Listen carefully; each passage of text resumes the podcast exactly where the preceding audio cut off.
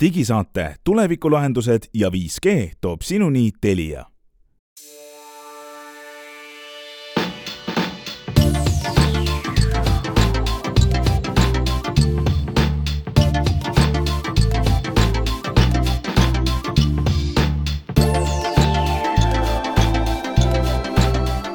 tere, head kuulajad, käes on nimetu digisaade, novembrikuu on lõpule jõudmas, kahekümne kaheksanda novembri saade on siin. meie oleme täna saates Ants Lõugas, Henrik Roonemaa, Glen Pilvre ja Meelis Väljamäe. Ja räägime sellest, kuidas suurepärased Eesti rehepapid, kratid, ei tea, kuidas nimetada. igatahes rekordilise summa väljapetmises kahtlustatavad kaks Eesti meest. Võeti vahi alla kes tegid innovatsiooni krüptomaailmas. räägime veel sellest, miks ei ole hea, kui kodus tehnika või oma majas olev tehnika töötab ainult läbi äpi, kuidas võib niimoodi kinni jääda. ja siis, millega kõrvadega kuulata head heli ja mida käe pealt vaadata, kui teada, mis kell on. räägime neist uudistest ka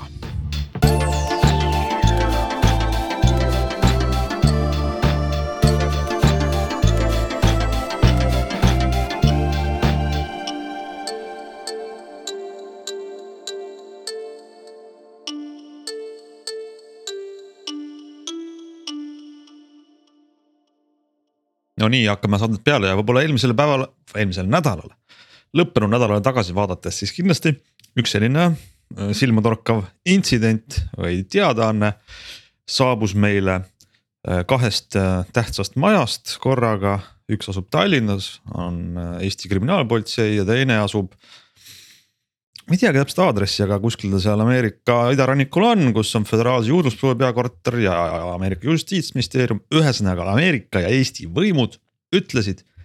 et ühisoperatsiooni käigus peeti kinni Tallinnas kaks inimest, keda kahtlustatakse kelmuses ja rahapesus. tegu on siis kahe Eesti, võiks öelda ettevõtjaga nii-öelda Sergei Potapenko, Ivan Turõgin, kes lõid Bonsi skeemina toimiva ettevõtte või isegi ettevõtete rea ehm,. sina millega... kirjutasid äh, Twitterisse ühe natukene krüptilise tweet'i isegi, et. et mäletan, kui ma olin ajakirjanik, siis ma kirjutasin neist loo ja igal loinal on oma mihklipäev, et äh, võib-olla sa seletad meile. esiteks tule, käime, kas sa ütlesid selle summa või me käime selle üle, mis see väidetav kahju Käime. on? Kahtlustuse korral kohaselt eeldatavad, et välja on petetud viissada seitsekümmend, üle viiesaja seitsmekümne viie miljoni dollari. nii, ja mina ei ole küll selline kriminalistika ajaloo spetsialist kaugeltki, aga ma küll ei oskaks nimetada Eesti nagu kuritegevuse ajaloost ühtegi suuremat ettevõtmist kui ligi kuussada miljonit dollarit, no kes on Eestis, milline Eesti kurjategija on rohkem ära virutanud korraga kui viissada seitsekümmend viis miljonit dollarit, ma arvan, et see võib olla number üks. ma kahtlustan ka, mul meenub kohe üks endine Eesti kõva küberkurjategija, keda ka ameeriklastega koos kinni võeti, kelle nimi oli Vladimir Tšašin. kes tegi siis sellist äh, fantoomreklaami võrgustikku ja kui ma nüüd õigesti mäletan, äh, vaadates vanu uudiseid, siis neid kahtlustati neljateist miljoni dollari teenimises, mis on ikkagi kommiraha võrreldes nii, oota, aga ei, aga need, need sinu sõbrad siis, kellest sa kunagi loo kirjutasid, kes on. ei, ära, ärme nii ütle ka, see, see jääb muidu igaveseks internetti.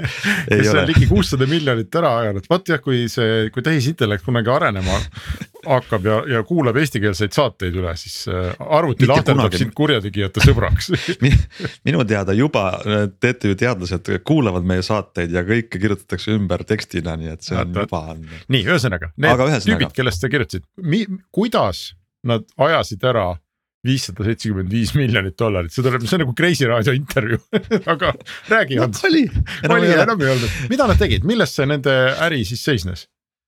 no ma nüüd kõiki detaile ei tea, selleks tuleb rääkida FBI ja kriminaalpolitseiga, aga, aga mida on teada nende kohta, nad esimesena sattusid nii-öelda avalikkuse tähelepanu alla sellise ettevõttega nagu Hashflare. Eh, juba aastaid-aastaid tagasi, võib-olla siis äh, ütleks seitse aastat tagasi või nii.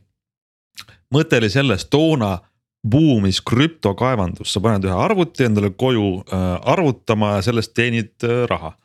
Aga need arvutid ei olnud enam tavalised PC-d, sa pidid ostma spets riistvara. Nemad ütlesid, et me teeme sama asja pilves. näiteks sa maksad meile tuhat dollarit, siis me paneme kuskile oma andmekeskusesse mingi asja arvutama ja kasumi maksame sulle tagasi. aga tuleb vist välja, et see oli siis see, mida nimetatakse Bonzi skeemina kõik, kes tulid, tahtsid liituda, andsid raha, neilt võeti raha vastu. Kui keegi hakkas kasumit nõudma, siis maksti talle see välja selle pealt, mis äh, oli teistelt võetud vastu. ehk siis reaalselt äh, midagi ei toimunud. või mitte vähemalt sellisel lubatud määral. see oli siis Hashflare, see esimene nii-öelda pilve kaevandamine sellest äh, äri läks nii hästi, et ähm, see oli vist kaks tuhat seitseteist, kui nad ütlesid, et me teeme panga me teeme pilves krüpto mingi panga, mis hakkab Euroopas kõike tegema, mida pole seni tehtud, selleks nime Polubius.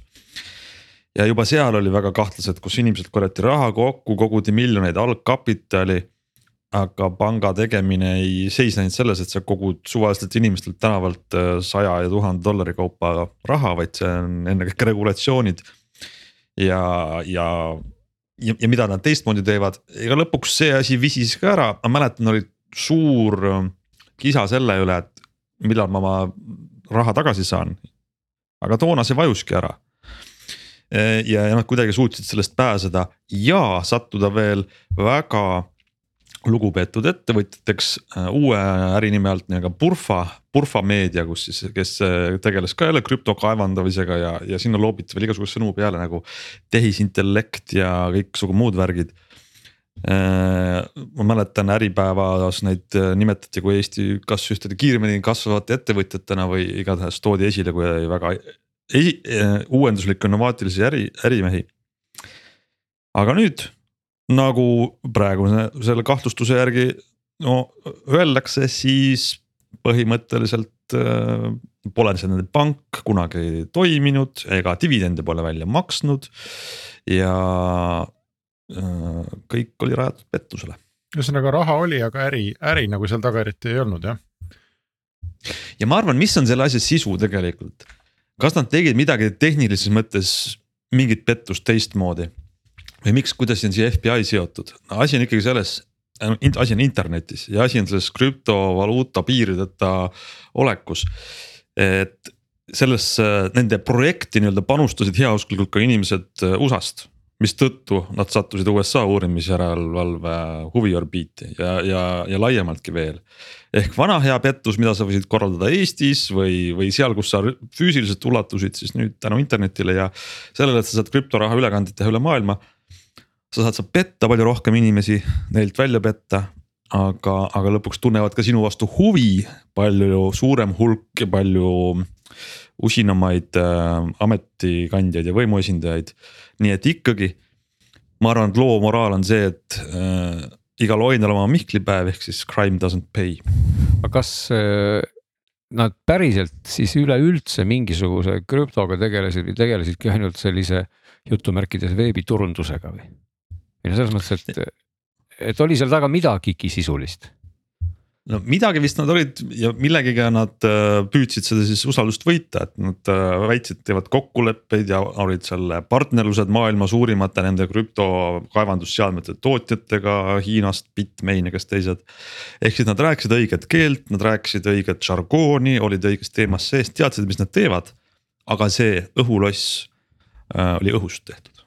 sest ega tegelikult siin äh võib võib-olla ka veel mingi filosoofilise moraali siia tõmmata, et ega igasuguse ma ütleks pettuse võib-olla selline edu või isegi mitte pettus, aga igasuguse äri noh, geniaalse ärivalem võikski olla see, et sa võtad ära hästi-hästi paljudelt inimestelt hästi vähe raha. Sest et eh, mida vähem sa raha Just. ühelt inimeselt võtad, seda laisem on see üks inimene oma raha tagasi tahtma ja, ja lõpuks ka käega löömise faktor on seal väga, suur, et. et kui sul õnnestub miljardit ja. inimeselt võtta ära kasvõi üks euro, siis tegelikult Just. ei juhtu mitte midagi, aga sina oled miljard eurot rikkam sest näiteks kui sa, see, see nende nii-öelda pangaprojekt, kui nad oleks leidnud kolm investorit, kes igaüks oleks pannud kümme miljonit eurot sinna. Ja nad oleks nendele petnud, siis nad kiiresti oleks see asi läinud haisema. absoluutselt, et väga- väga halb mõte on võtta kelleltki ja petad kümmet miljonit inimest, kes igaüks paneb kümme eurot, mõtleb, ah pagan, sain petta, ise olin loll ja Täpselt sinna ta jäi. täpselt Nii et isegi siin noh, siin võiks öelda, et eh, noh, mulle nagu meenuvad ka paljud, isegi absoluutselt mitte ka pettused, aga, aga, aga sellised eh, noh, tänapäeval on väga paljud sisupakkujad. noh, rääkimata siis filmi sisust, aga igasugust ka muud professionaalsemat eh, video ja audio sisu pakutakse samuti kuupõhiste teenustena. ja mul on nii mõnedki teenused, mida ma tegelikult ei ole üldse peaaegu tarbinud siin ja nad lihtsalt tiksuvad sellepärast, et ma ei ole tahtnud ka ära lõpetada, sest see Just. maks on nii väike. aga kui ma mõnikord hakkan nagu mõtlema, et kui siukseid minusuguseid laiskvorste on maailmas juba sada tuhat, siis tegelikult mitte, et need teenused kuidagi halvad oleks või see sisu, eks ole, aga, aga lihtsalt inimeste harjumuse jõud on mõnikord suur ja, ja iseenesest näha nagu sellises mõttekäigus ainult võib-olla paha, ma ei tahaks kuidagi neid õigustada, aga iseenesest ma näen nagu seda, et nad väga osavalt siis ikkagi nad küll. võtsid, võtsid selle koha nagu kuhu vajutada, et siis võimalikult palju raha saada võimalikult väikeste kahjudega mõnes mõttes, eks ole, et kui see loomulikult, kui keegi Jaa. pani sinna tuhat eurot, siis ilmselgelt on see ikkagi noh, kelle jaoks väike, aga ikkagi üldiselt väga suur summa, eks ole, aga. aga ma tahan ühe paralleeli veel tuua, et mõnes mõttes, mis on nende Eesti selle looga paralleelselt Ameerikas on hargnenud viimastel nädalatel hoopis suurem skandaal krüptomaailmas, kus siis suur vahetusbörs FTX kukkus kokku, kuna selle juht Sam Bankman-Fried osutus petturiks mis oli, oli no sihuke paralleel tuua, siis oli jällegi see, et seal vahetati krüptoraha, dollarit Bitcoinide vastu ja nii edasi ja sadu muid neid, aga sisuline pettus oli selles et oli kaks raamatupidamist ja klientide raha eest osteti kinnisvara ja autosid ja muid asju. Vana hea varastamine ja lihtsalt inimestele valetamine ja raha välja petmine. et mõnes mõttes tehnoloogia äh, on uus, innovatsioon on, on kiire finantsmaailmas, aga kuritegu jääb kuriteoks selles mõttes, et talle kanti üle sadu miljoneid eurosid, nendest paarsada miljonit pani kohe oma kontole ja mujale. ja nüüd redutab vähemalt too kangelane seal Bahamadel ja, ja veel mõtleb elule järgi, samas kui nagu pisut väiksemas skaalas vargad Eestis äh, on juba praegu trümmi taga, kuigi ma saan aru äh,. süütuse presumptsiooni mõttes ootavad alles äh, siis kohtuistungit. jah, see Eesti nii-öelda ma ei tea, mis selle kohta peaks ütlema, äri või kuritegevus või projekt või mis iganes, ma ei tea. et selle kokkukukkumine käis väga nagu ühte jalga ju maailma sündmustega, seesama Hans, mida sina mainisid. ja, ja selle kõrval on olnud veel mõned ja, ja krüptomaailma on nüüd ikkagi tabanud äh, tõsine selline tuumatalv ja, ja, ja usaldus seal igasuguste projektikeste vastu on nagu kõvasti kahanenud ja, ja, ja sellega koos on ikkagi kiiresti alla käinud ka väga nimekate riskikapitalistide ja investorite usaldus, et noh, seesama härrasmees, mitte nüüd need Eesti härrasmehed, vaid see Sam, SBF on ta hüüdnimi SBF, eks. tegemist on ju äh, USA ühe väga maineka ülikooli õppejõudude pojaga, kas see oli Stanford lausa või mingi selline see klassiülikool. ja, ja, ja noh, selline väga heast perekonnast pärit äh, noormees, kes äh, siis sellel kohtumisel investoritega ähm,. ma saan aru, et tegemist oli kaugkoosolekuga, ta on tagantjärgi välja tulnud või on ta väga uhke isegi selle üle olnud, et äh, kohtumisel investoritega ta mängis äh, arvutimängu, League of Legends vist lausa, mis on noh, selline, see ei ole selline uimerdamise mäng, eks see on selline väga kiire, sinu täielikku tähelepanu nõudev mäng. ja, ja tema siis äh, mängis arvutimängu, tal oli justkui nagu täiesti ükskõik, kas ta saab mingi investeeringu või mitte ja see selline kättesaamatu ükskõikne vili tundus nendele riskikapitalistidele ja investoritele tundus nii noh, nii magus ja, ja, ja nad hakkasid kõik kartma, et nad jäävad sellest geeniusest üldse nagu ilma. nii et kõik tormasid võiduni sinna nagu raha panema ja, ja, ja noh, selle sellise suvalise tüübi ähm, suvalisse ärisse äh, pandi sadu miljoneid. Ja nagu hiljem on välja tulnud, sinna määrati nüüd siis nii-öelda pankrotihaldur või noh, selline täiskasvanust juht, kes muide vist äh, kas ta oli Enronit, Enroni seda pettuse pesa likvideeris kunagi või üritas sealt aru saada, siis see mees ka kirjutas, et et ta on elus kõike näinud, igasugu sigadusi, aga vot seda, mis seal krüptobörsis on tehtud, et sellist jama pole tema silmad tema pika karjääri jooksul mitte kunagi näinud. ja, ja et seal puudus igasugune järelevalve, igasugused protsessid, no ühesõnaga kõik puuduski, tegemist oligi lihtsalt mingi kohaga, kuhu voolas sisse sadu miljoneid. ja, ja keegi ei kontrollinud ja kedagi ei huvitanud, mis sellest saab ja omakorda selle ettevõtmise tegijad siis ka väga ei, ei huvitunud sellest, mis nende klientide rahast saab ja kuhu see pannakse ja kuidas seda investeeritakse ja noh. ühesõnaga raha oli, mulle tundub ikkagi eelmisel kümnendil startup maailmas eriti oli nii odav et seda lihtsalt tuli uksest ja aknast, et sa võisid olla selline lühikestes pükstes äh, koll, kes mängib arvutimänge ja, ja noh, õigete sõnade lausumisel topiti sul ikkagi suur raha täis.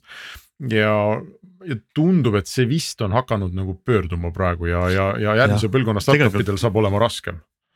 jah, aga, aga Õnneks. tegelikult on raskem, aga, aga on ikka vajalik, et selline puhastumine toimuks.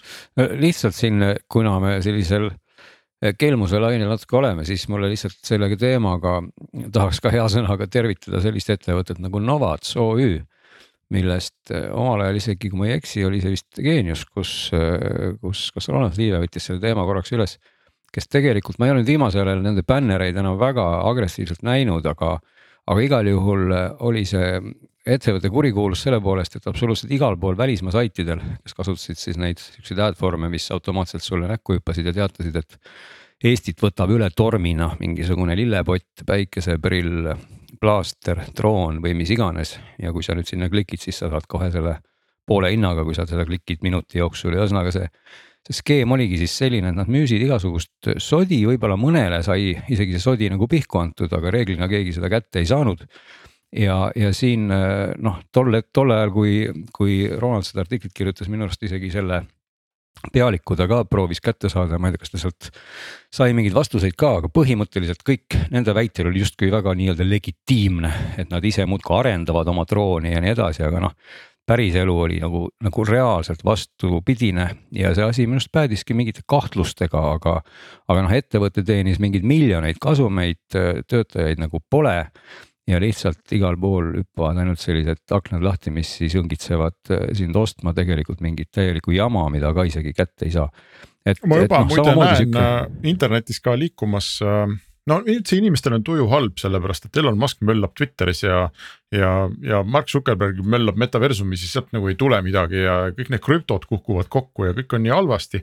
inimestel on tuju halb ja, ja ma juba näen ka äh, selliseid väiteid või isegi esseesid teemal, et, et tehnoloogiamaailmas on olnud kadunud kümnend et siis aasta ütleme kaks tuhat kümme kuni kaks tuhat kakskümmend või, või kaks tuhat kaksteist kuni kaks tuhat kakskümmend kaks. et kõik, mida me noh, praegu kasutame, on leiutatud enne seda, et selline kreatiivsus või loomingulisuse puhang oli seal kaks tuhat viis, kaks tuhat seitse, kaks tuhat üheksa. ja, ja nüüd on toimunud lihtsalt selline raha kokku kühveldamine ja, ja noh, selline mingis mõttes nagu noh, rõõmutu tiksumine, et, et midagi huvitavat ei ole tehtud ja see on maha visatud aeg ja et äkki nüüd ikkagi järgmised kümme aastat tuleb huvitavam. ma ei oska selles osas seisukohta võtta, aga, aga olgu siis ära märgitud ka meie saates, et inimestel tehnoloogiamaailmas on tuju väga halb no vot ja siis äh, peaks lihtsalt ütlema, et mis iganes, mis iganes tehnoloogiamaailmaga need inimesed, kes võib-olla ka ei ole väga tehnoloogia inimesed, tegelevad, peaksid ikka olema ka nagu valvsad, ütleme, see on seesama moraal, mis muidugi on, on kümme aastat ennem, hiljem ja praegu, et olgu see siis krüpto või droonid või päikseprillid või, või lihtsalt sinu investeerimisvõimaluste pakkumine.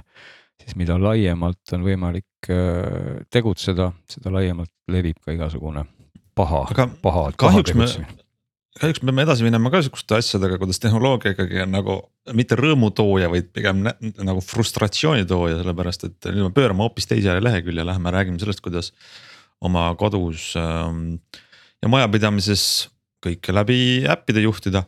ühe näite varal, Meelis, ma saan aru, et sinul on ähm, kokkupuude majaga, kus on garaaž, garaažil on uks uks ei käi lahti mitte käsitsi või vändaga või nupust, vaid äpiga on nii? no seestpoolt saab teda ka tegelikult äh, lahti, kui sul on palju jõudu mingist nöörist sikutades, äh, selline nii-öelda hädaabivahend. aga kes see ikka tänapäeval nöörist no tõmbab? jah, ega aga ma arvan, et mina ei jaksanud seda vaevalt sealt avada ja keskmine naisterahvas ilmselt ei jaksa üldse sellist nööri kasutust avada ja noh. kui sa oled autos sees, sa teed seal nöörist lahti ja siis sa lähed välja ja ühesõnaga see ei ole nagu jätkusuutlik. aga nee.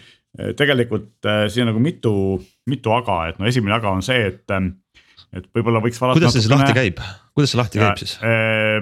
erinevat moodi, aga alustame sellest, et, et tegelikult, mis on probleemi olemus, on see, et ehitaja on ilmselt äh, noh, nagu ikka ehitajad tänapäeval väga pikalt ei mõtle, mõtlevad välja kõige odavama lahenduse. ja noh, maa all garaaž nagu tänapäeval sellises korterielamutis tihti on väiksemates. garaažiboks, eks ole, või siis selline, kus, kus ühi-, ühine garaažiruum, kuhu saab siis oma auto talvel varju panna või suvel ka, et osadel inimestel on see ostetud maja ette, osadel on maja all olevasse garaažiruumi ostetud ja sinna koht. ja loomulikult see, kuna see garaaž asub maa all betoon, raudbetoonkasti sees, siis seal puudub igasugune mobiilsidelevi. aga uks käib ju lahti mobiiliga, Meelis, kas see siis on Bluetooth või wifi või mis asi seal on nii, siis? ja siis ongi järgmine asi oligi see, et ehitaja ehitas garaaži valmis, eh, tekitas eh, siis ühesõnaga oma partneri Kinema, kes selle garaaži ukse paigal, paigaldas sinna, nemad tekitasid siis äh, äpi ja ka telefoninumbri, mille peale helistades saab seda ust avada. aga noh, kuidas sa helistad või kuidas sa äppi kasutad, kui mobiil pole levib, puudub andmeside, eks ole. ja siis, kui ühistus teemaks võeti, et kuulge, et nagu asi ei tööta, siis äh, ühistu investeeris ja paigaldas sinna wifi ruuteri, ehk siis praegu hetkel on seal wifi levi ja me saame seda äppi kasutada ja teine variant muidugi öeldakse, et aga noh, et tegelikult on ju olemas teisi lahendusi, on küll, et tegelikult on olemas seal ka eh, siis selline klassikaline puldist avamise võimalus. mis on eh, siis neljasaja kolmekümne kolme megahertsi peal töötava, kilohertsi peal töötava RF puldiga mm. -hmm. just nee., aga konks on nüüd siin see, et eh, mingi aeg küsis Kinema selle puldi eest viiskümmend kaks eurot, kui mu mälu mind ei peta, praegu küsib ta selle eest seitsekümmend neli eurot. per, per inimene ehk siis per, kõik. per pult, per pult, pult jah. Oh. ja kui sa nüüd vaatad seda näiteks Aliekspressis maksab selle äh, selline samasugune pult umbes viis eurot ja ma arvan, et hulgihind võib olla veel odavam. ja kui sa vaatad seda, et selle puldi programmeerimise tööaeg on ka noh võib-olla mitte sekundid, aga kindlasti minutid, siis see kasum on seal pöör, pöörane, eks ole, et, et see on, see on samasugune skäm nagu see krüptoäri. kusjuures selle juures võiks juba uks ise tasuta olla kui sa pilte ostad ja, ja minu lihtsalt südametunnistus ei ole siiamaani lubanud mul kulutada seitsekümmend viit eurot selle puldi jaoks ja, ja siiamaani äpiga edukalt hakkama saadud.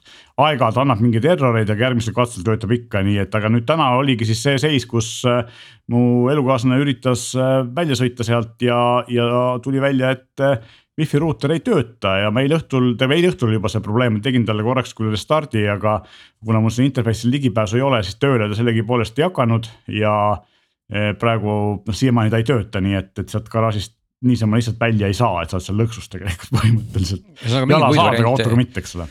muid variante ei olegi välja arvatud see nöör, ja, jah just, ma pidingi praegu minema õue, õues siis nii-öelda mobiilsidega selle äpi nuppu vajutades selle garaaži uks lahti tegema, jälgima, kas ikka tuli lahti, et ta sealt välja sai, eks ole, nii et. ja, ja sa oleksid äärepealt saatesse hiljaks jäänud selle mugava kahekümne esimese sajandi IT-lahenduse pärast jah. ütleme nii, et tegelikult see on nagu selline tänapäevane probleem mõnes mõttes, aga mind frustreerivad kaks asja, esimene asi on see, et. et ehitaja on noh, ei ole mõelnud alguses kohe selle peale, et kui sa ehitad raudbetoonis maa alla garaaži, siis sa ei saa mobiilset andmesidet olla.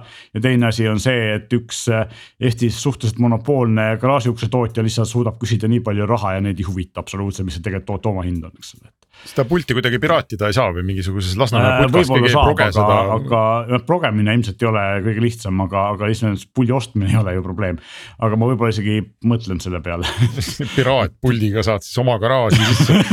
aga see on ju läbiv, aga see on ju läbiv äh, probleem on see selline nuppude ja normaalsete asjade asendamine tarkvara ja äpiga, eks. absoluutselt noh, autodes käib see mulle ammu närvidele, kus äh, on, et noh, Volkswagenil on nüüd juba isegi rooli peal ei ole mitte nuppe, vaid on puututundlikud pinnad. kusjuures ma ei tea, kas see uh, ma ei tea, kas see sõltub mudelist või, või on nad tagasi läinud, aga ma juhtusin sõitma eelmisel nädalal, tekkis vajadus ja ma võtsin eh, CityBee'st selle aasta suvel tehtud Volkswagen T-Cross äkki on see suurem, T-Rock on suurem, T-Rock, T-Cross on väiksem, T-Rocki.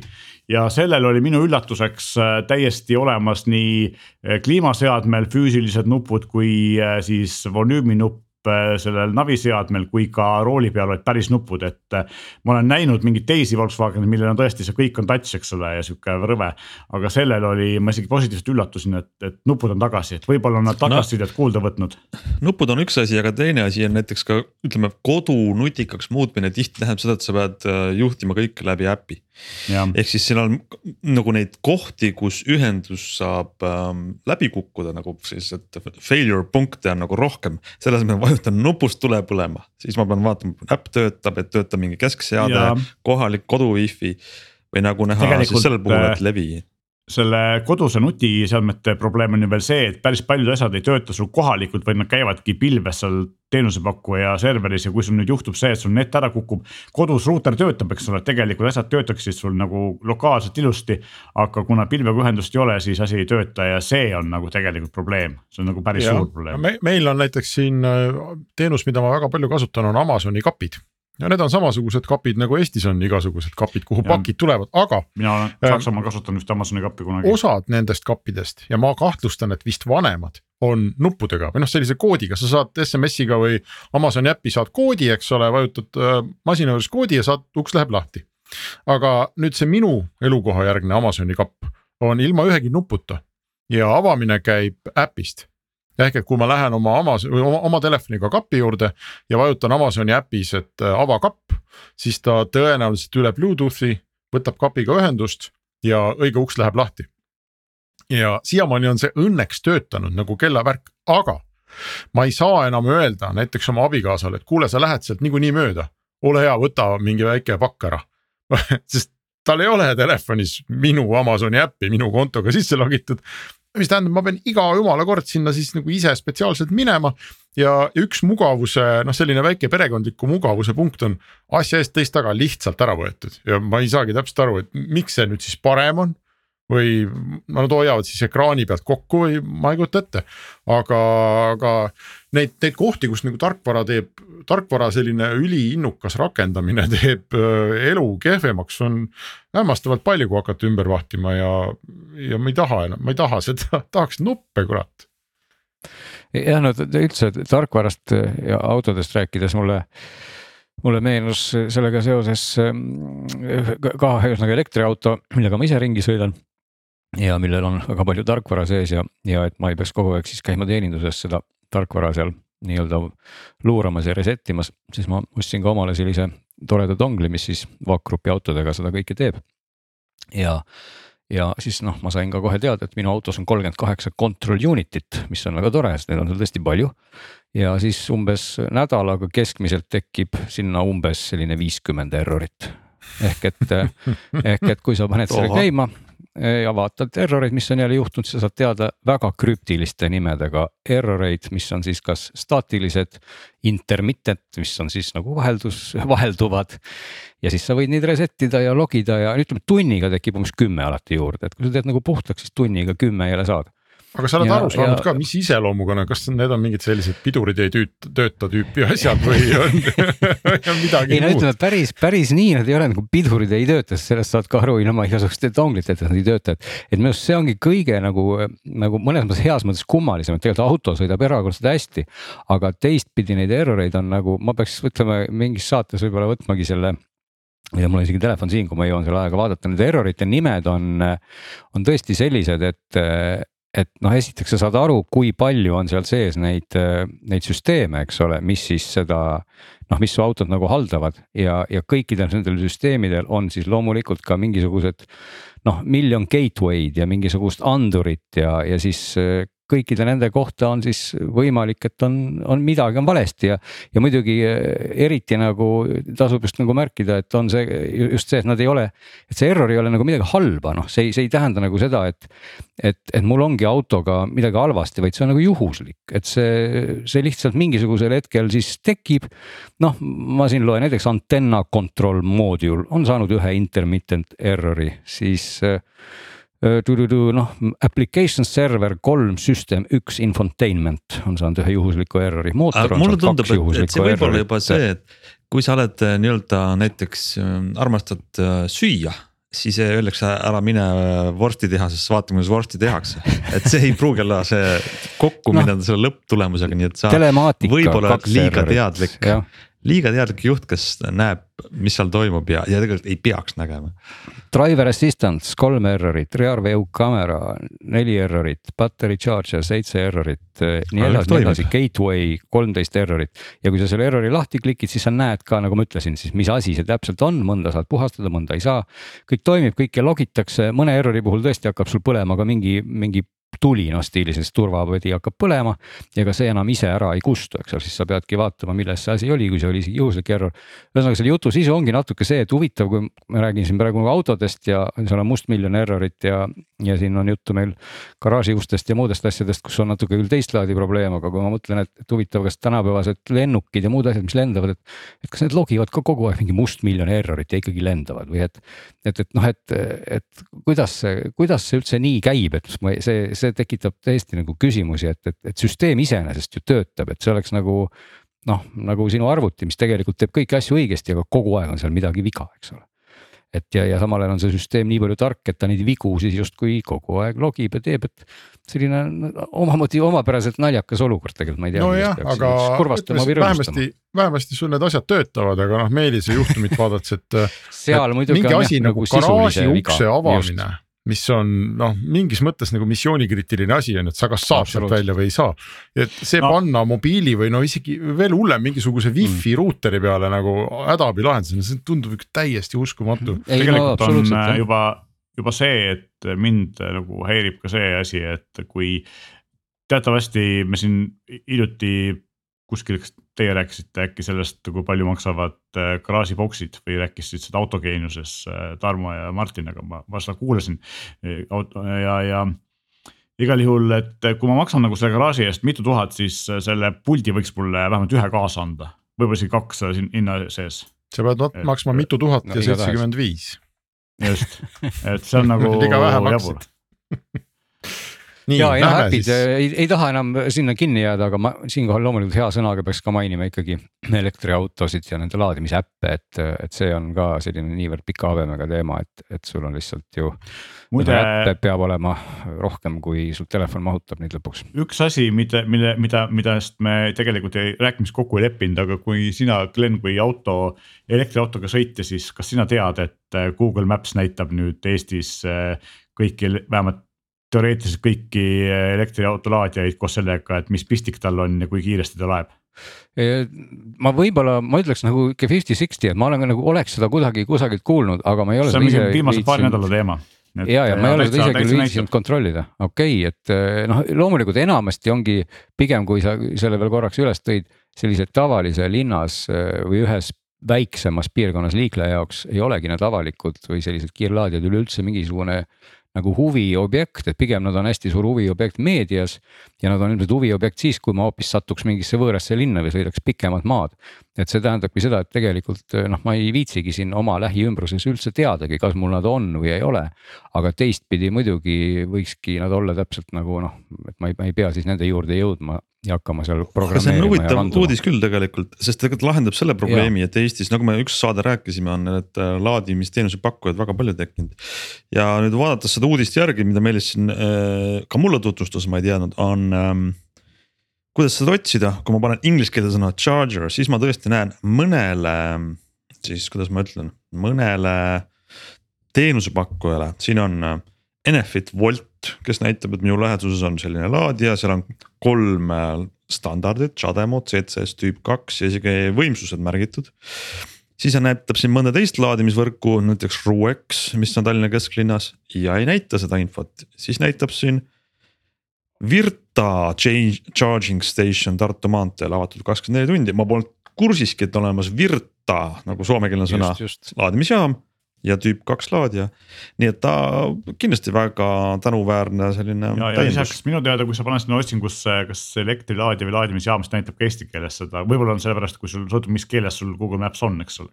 Seal on ka, peaks ka kindlasti Ja- veel äh, nii, ma tahtsin vahele öelda, et on oluline on ka teada ja vaadata, mida teevad siin ka muidu paljude nagu äppide või ütleme, noh teenusepakkujate kaartide peal. Et, et laadija see info kindlasti, et kui juurdepääsetav on see laadija, siis ka nii-öelda laadijale kes tahab laadida siis autole No, tänavalt, et seal on nii mitmedki laadijad, mis on näiteks hotellihoovis kusagil Ja, ja, nii-öelda natukene küll. tõkkepuu või aia taga, aga nad on ikkagi noh, Enefiti puhul on see täpselt nii, et. et kusagil vaatad seal, ma ei tea, Balti jaama kõrval on, oh, et näed, siin on meil laadija. Ja ükskord ma noh, autoga ma ei leidnudki seda ja siis ma võtsin, läksin jalgsi otsima, kus see on ja siis lõpuks ma sain teada, et see laadija on kusagil hoovi rägastiku hotelli tõkkepuu taga sügavikus, eks ole. Just, et tegelikult siin see, on- Google Maps on ju selline asi, mis areneb, eks ole, ja kasutajate kommentaarid tulevad sinna kindlasti juurde ja nii edasi, aga mm. -hmm. aga üks asi, mida sa veel teha saab, on see, et sa saad filtreerida siis, et näita mulle ainult sademat ja näita mulle ainult CSS-i ja näita mulle ainult vähemalt sada kilovatti või kolmsada kilovatti, eks aga ütleme, seda ma ei küll ei oska, ma kohe raporteerin reaalajas seda uudist, sest ma vaatan, et see on väga lahe ja tõesti näiteks nüüd ma näen ka, et siin on eesti keeles on see sõna siis elektrilaadijad, mida otsida mm. -hmm. Elmo, Enefit, Eleport, mis üsna laia levinud võrguga, jällegi ei näita seda laadijaid.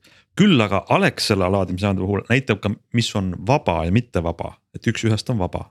kolmesaja kilovatine CCS on vaba. kas 24 seal kui sa juba seal nii-öelda online'is raporteerid, kas sa hindu ka näed või? oi, väga hea küsimus, nii võtame kohe ette, Alexela kolmesaja kilovatine ja hindu ma ei näe. nii No et noh kui jaksasid auto osta, küll jaksad ka elektrit osta. tegelikult see on, on- ikkagi seda- see, et see on algusasi lapsekingades ja ma arvan, et tegelikult lihtsalt Jaa. see on positiivne areng, et selline asi olemas on ja, ja. ja aga seal juhul ikkagi satud võõrasse kord- linna ja otsid ähm, äh, siis viiekümne või viiesaja kilovatist laadimist, siis on näed abiks küll no hind on väga oluline faktor, sest et eh, kes ei sõida elektriautoga, võib-olla ei, ei mõtle selle peale, et see elektri hind sõltub ainult laadija võimsusest, et, et mida väiksema võimsusega laadija, seda vähem sa ka maksad, nii et tegelikult on see nagu väga oluline, sest kolmesaja kilovatist laadijat, eh, nii vähe, kui palju neid meil üldse on. Need hinnad on ikkagi kordades erinevad, kui, kui on näiteks tavaline üheteist või kahekümne kahe kilovatine. kui sul ei ole piisavalt võimast autot, mis seda ära oskab kasutada, siis pole vaja, eks ole. mitte mingit põhjust ei ole sinna minna ja, ja võib-olla Ja- oleks sul ka rohkem aega, et sa tahad parem laeb natuke aeglasemalt ja, ja maksad vähem ja on ka hästi. tegelikult küsimus ongi selles, et kui palju sul on aega, eks ole, et kui sul on seal saja kilovatiga laadiv auto, et kas sul on vaja otsida see sajane laadija, sul on vähe aega kiiresti laadida või sa saad selle kahekümne kahesega hakkama ja sul on tegelikult paar tundi vaja kulutada, eks ole, et siis sõltub Jaa. sellest jah. ja, ja, ja aga- noh, väga, väga tahtsin näed, see jutt ei tahagi ära lõppeda, et, et mis, mis ka kindlasti oleks väga huvitav info sinna juurde oleks ka, et millised laadijad on tasuta, sest et noh, ütleme, et Eestis on ka üks väga tore koht, kus saab käia omale mööblit ostmas ja süüa ka sisse tankimas ja kõrvale siis tasuta elektrit on IKEA näiteks, eks ole, kus on siis tasuta elekter, no vot jälle väga hea Palun väga, nii et meie saatest, kui- palun, tahate tasuta elektrit? sinna ei saa minna oma radiaatoriga või mingi soojaveepoileriga no,. jaa, aga, aga noh, seal on siis, on need üheteist kilovatised postid või on need isegi kahekümne kahesed, noh mul auto küll ei võta rohkem vastu, et võib-olla, võib-olla tuleb see kakskümmend kaks ka, aga. aga väga-väga super idee, sest et äh, siis seda enam sa lähed ja ostad sealt võib-olla siis lõpuks riiuli ja lihapallid ka on ju ja, ja aga, aga neid kohti on natukene veel, ma täpselt ei, ei suuda nüüd öelda, kus veel, aga see oleks ka tore info, mida tegelikult seal Google Maps'is ju võiks siis juba näha.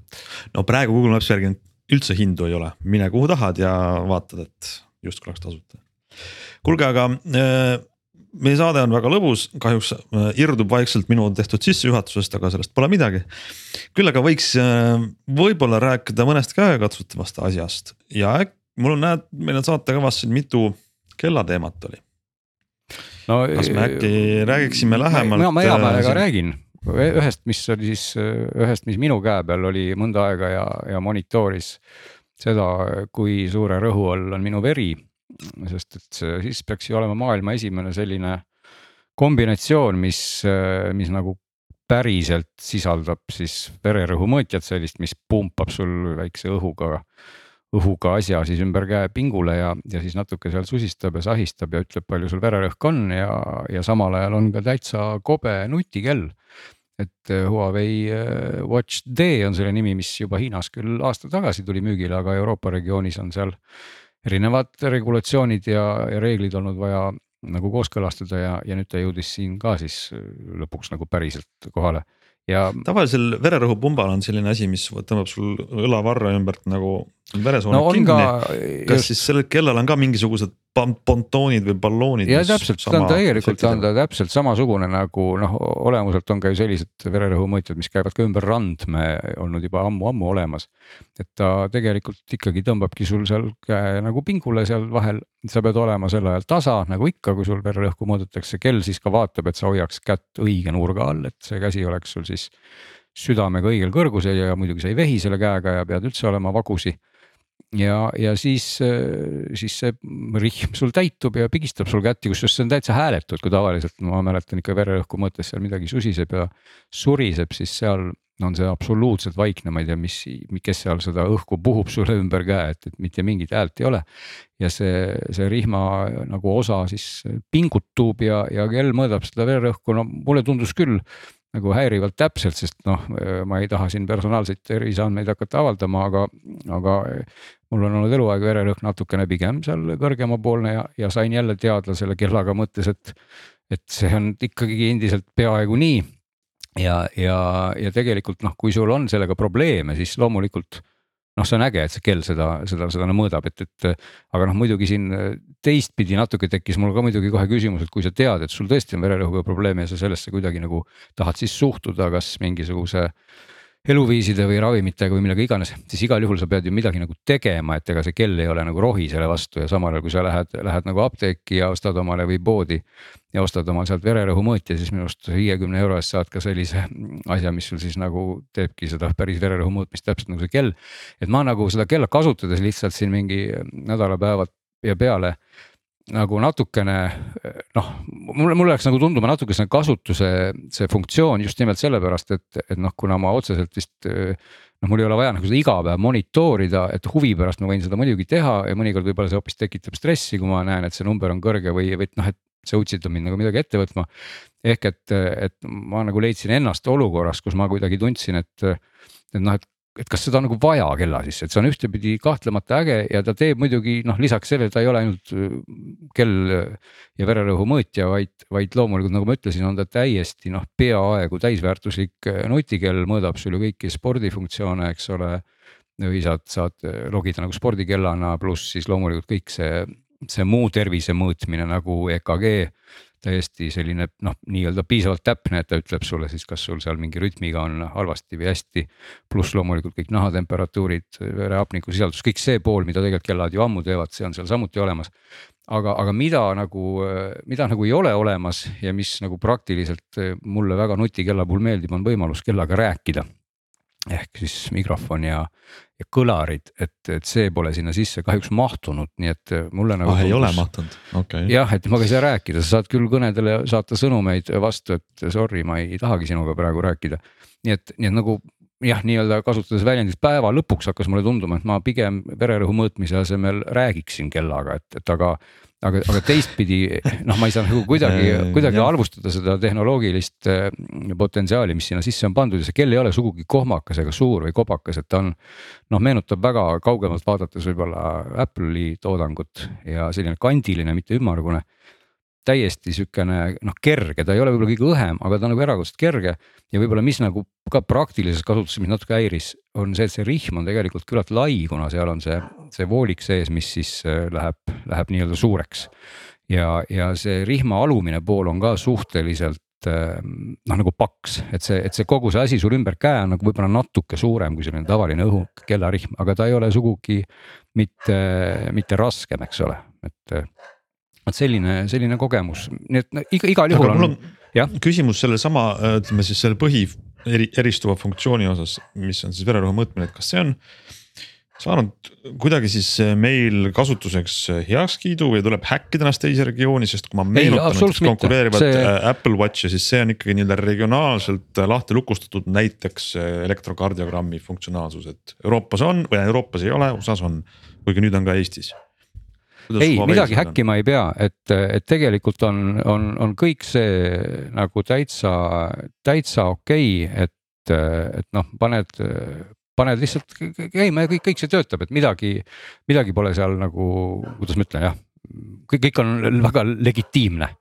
ja, ja väga-väga äge, nii et kes, kes tõesti tahab nagu sellist kombinatsiooni ja see oli ju, see ei ole ka ületamatult kallis, eks ole, ja muidugi. tahaks ka öelda veel, et aku vastupidavuse kohta endiselt suured äh, nagu kiidusõnad, et nagu ikka Huawei kellad kuidagi müstiliselt, seda ma olen vist maininud juba ennem ka, et selle. kui sa ei mölla selle vererõhu mõõtmisega nagu tõesti nagu kordi päevas, siis ma julgeks väita, et see kell peab vastu noh, lausa üle nädala ikkagi lausa võib-olla mingi kümme päeva, aga, aga kui sa mõõdad ka vererõhku iga päev seal mingi viis-kuus korda, siis tõesti saad sa võib-olla no viis päeva saad ikka. Kuidas selle, vaata osad Glen need tervisefunktsioonid kelladel on, on sellised, et nad äh, mõõdavad seda nii-öelda taustal ja igal juhul, eks noh, näiteks see, kuidas sa magad või mitu sammu sa käid või, või mm -hmm. noh, enamus kelli saab ka aru, et kas su südame töö on nüüd tavalisest äh, aeglasem või kiirem, et siis näiteks annab alerti sulle. Mm, ja siis on osad asjad nagu need EKG-d ja ja mingid stressi mõõtmised, kus sa pead tegema neid äh, noh, ise nii-öelda algatama selle, et nüüd ma tahan mõõta mm -hmm. EKG-d, eks. kumba pidi Just. selle vererõhuga on, kas ta mõõdab ka... ise või sa ei, ütle, sina ei, ütled kellale, et ma nüüd tahan mõõta? loomulikult jah, sest et see vererõhu mõõtmine nagu ikkagi see ei ole isegi nii, et sa käigu pealt mõõdad, et a la ma lähen nüüd, ma ei tea, kõndima no, jooksma ja, ja, ja, ja siis ta muudkui aga susistab seal seda. sa pead ikkagi olema selleks väga vagus ja just nüüd mõõtma ja täpselt samamoodi on ka EKG, et EKG mõõtmiseks sa pead ka panema näpu sinna kusagile nagu nupu või, või sensori peale. mida ta mõõdab jah, kogu aeg on siis loomulikult see hapnikusisaldus, sinu, sinu pulss kui selline, eks ole, nahatemperatuur aga, aga jah, seda poolt, et nüüd ta ütleks sulle, et vopa, et su vererõhk praegu on ikka väga halb, et nüüd kohe ruttu palun tee midagi, seda ta kahjuks ei tee jah. nii et, et, et see oligi nagu seesama pool, et ta on, ta on väga äge nutikeel, pluss see vererõhu mõõdik ühes tükis.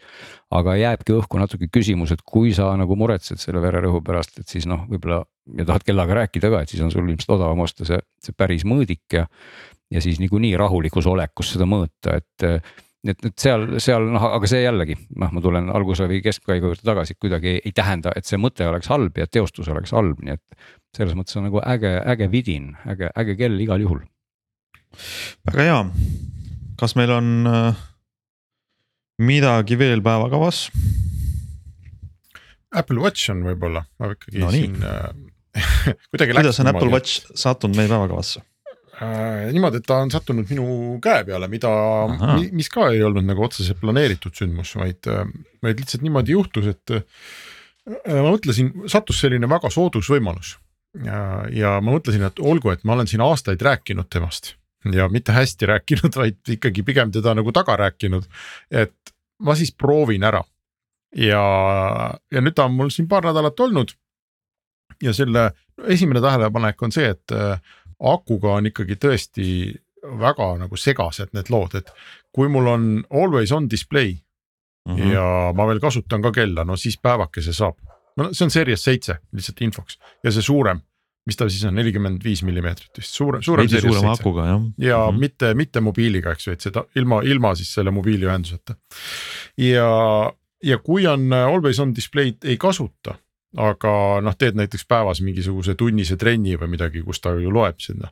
no siis saab ka nagu päeva, aga mulle tundub, et kui sa always on display'd ei kasuta ja mitte midagi ei tee. aeg-ajalt lihtsalt vaatad, siis võib-olla venitab kaks päeva välja, et siis, siis on nagu tagasihoidlikum.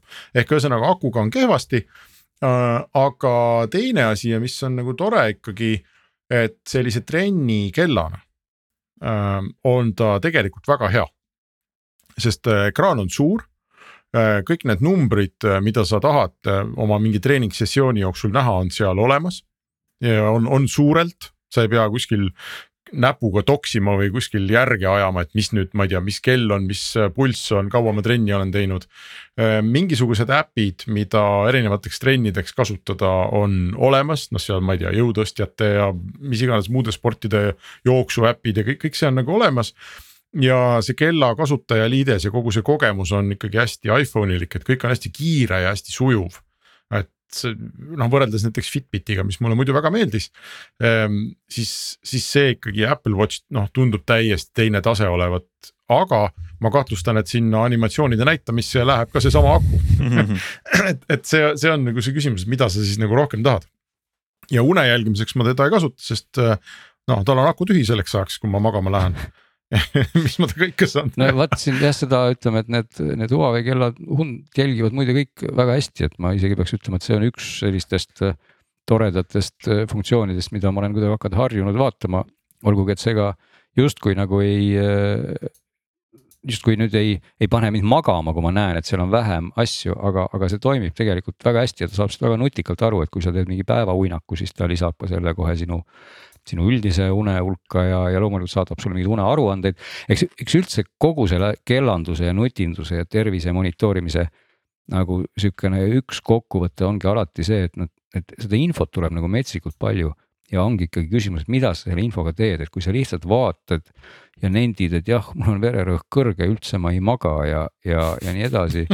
ja siis noh, noh siis sul pole seda kella nagu vaja, et, et, et, et aga sa pead nagu midagi ette võtma ja kui sa ei ole valmis midagi ette võtma, siis sul ei ole vaja ka neid mõõdikuid tegelikult, et aga, aga ikkagi. just noh. ja, ja see läheb teistpidi jälle nagu selle Apple Watchi lugu nagu Henrik ütleb, et kui sa lülitad kõik välja.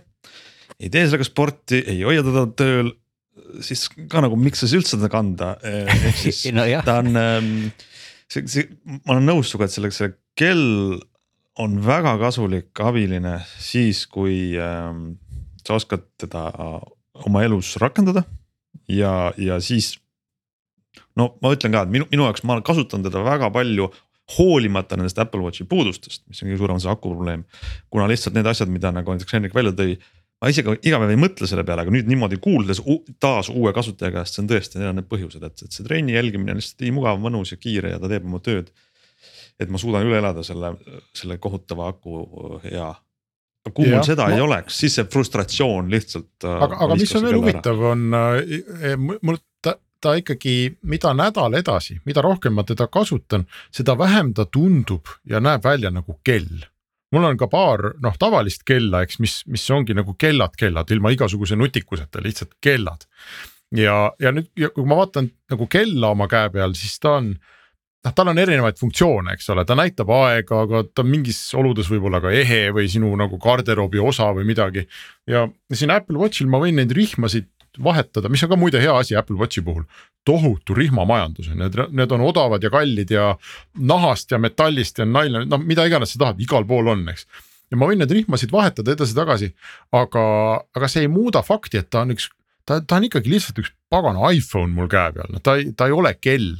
ta ei, mitte mingist kohast ei jää nagu tunnet, et, et see on kell või see on kuidagi osa minu garderoobist, vaid ta on lihtsalt ekraan ja ta käitub nagu ekraan ja ta näeb välja nagu ekraan ja see tegelikult no, siin, on natuke nõme. siin, siin ma tahakski ütleme öelda ikkagi, kui jääb nüüd mulje, et, et Huawei on maksnud mulle suuri summasid jüääne või midagi, siis tegelikult see nii ei ole, aga, aga, aga tuleb tunnistada, et, et olgu nende telefonidega, kuidas on ja aga need Huawei kellad, nagu nad on tõepoolest jube hästi saanud sellele, sellele nii-öelda kompromissile või kuidas seda sõnastada pihta, et see kell on tegelikult väga äge kell ka, et kõik need Huawei nagu watch'id, kui me nüüd jätame selle, selle D kõrvale, mis on tegelikult nagu Apple Watchi selline kerge koopia välimuselt, siis ülejäänud kellad on, on väga klassikaliselt ilusad, suhteliselt sihvakad, väga heade koostöömaterjalidega, need kallimad, eks ole, mingid titaanid ja.